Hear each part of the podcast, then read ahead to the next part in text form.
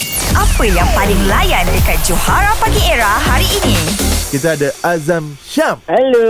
Alright. Hi. Kita nak main spontan era. Uh, soal menyoal awak akan bermain dengan Johan. Tapi kelebihan dia beri kepada awak lah. 10 soalan awak bertahan. Kita confirm bagi awak menang. Okey eh. Okay, okay. Okay, situasinya ni. Situasi dia adalah ni lah uh, anda berdua uh, dipanggil untuk menjadi juri All Together Now Malaysia. Alright. Alright. Tiga. 3 2 1 spontan era.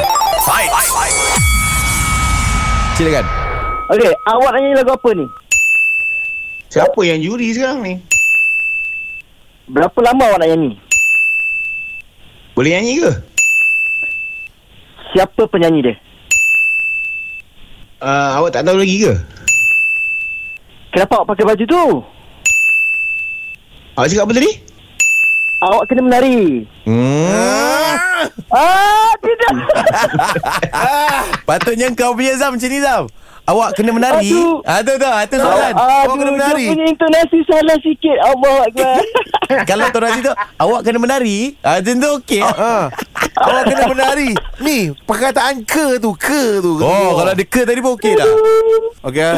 Azam. Aduh. Kalau dah pernah main, maksudnya dah tahulah macam mana nak umum. okay dah, okay lah. dah. Ah.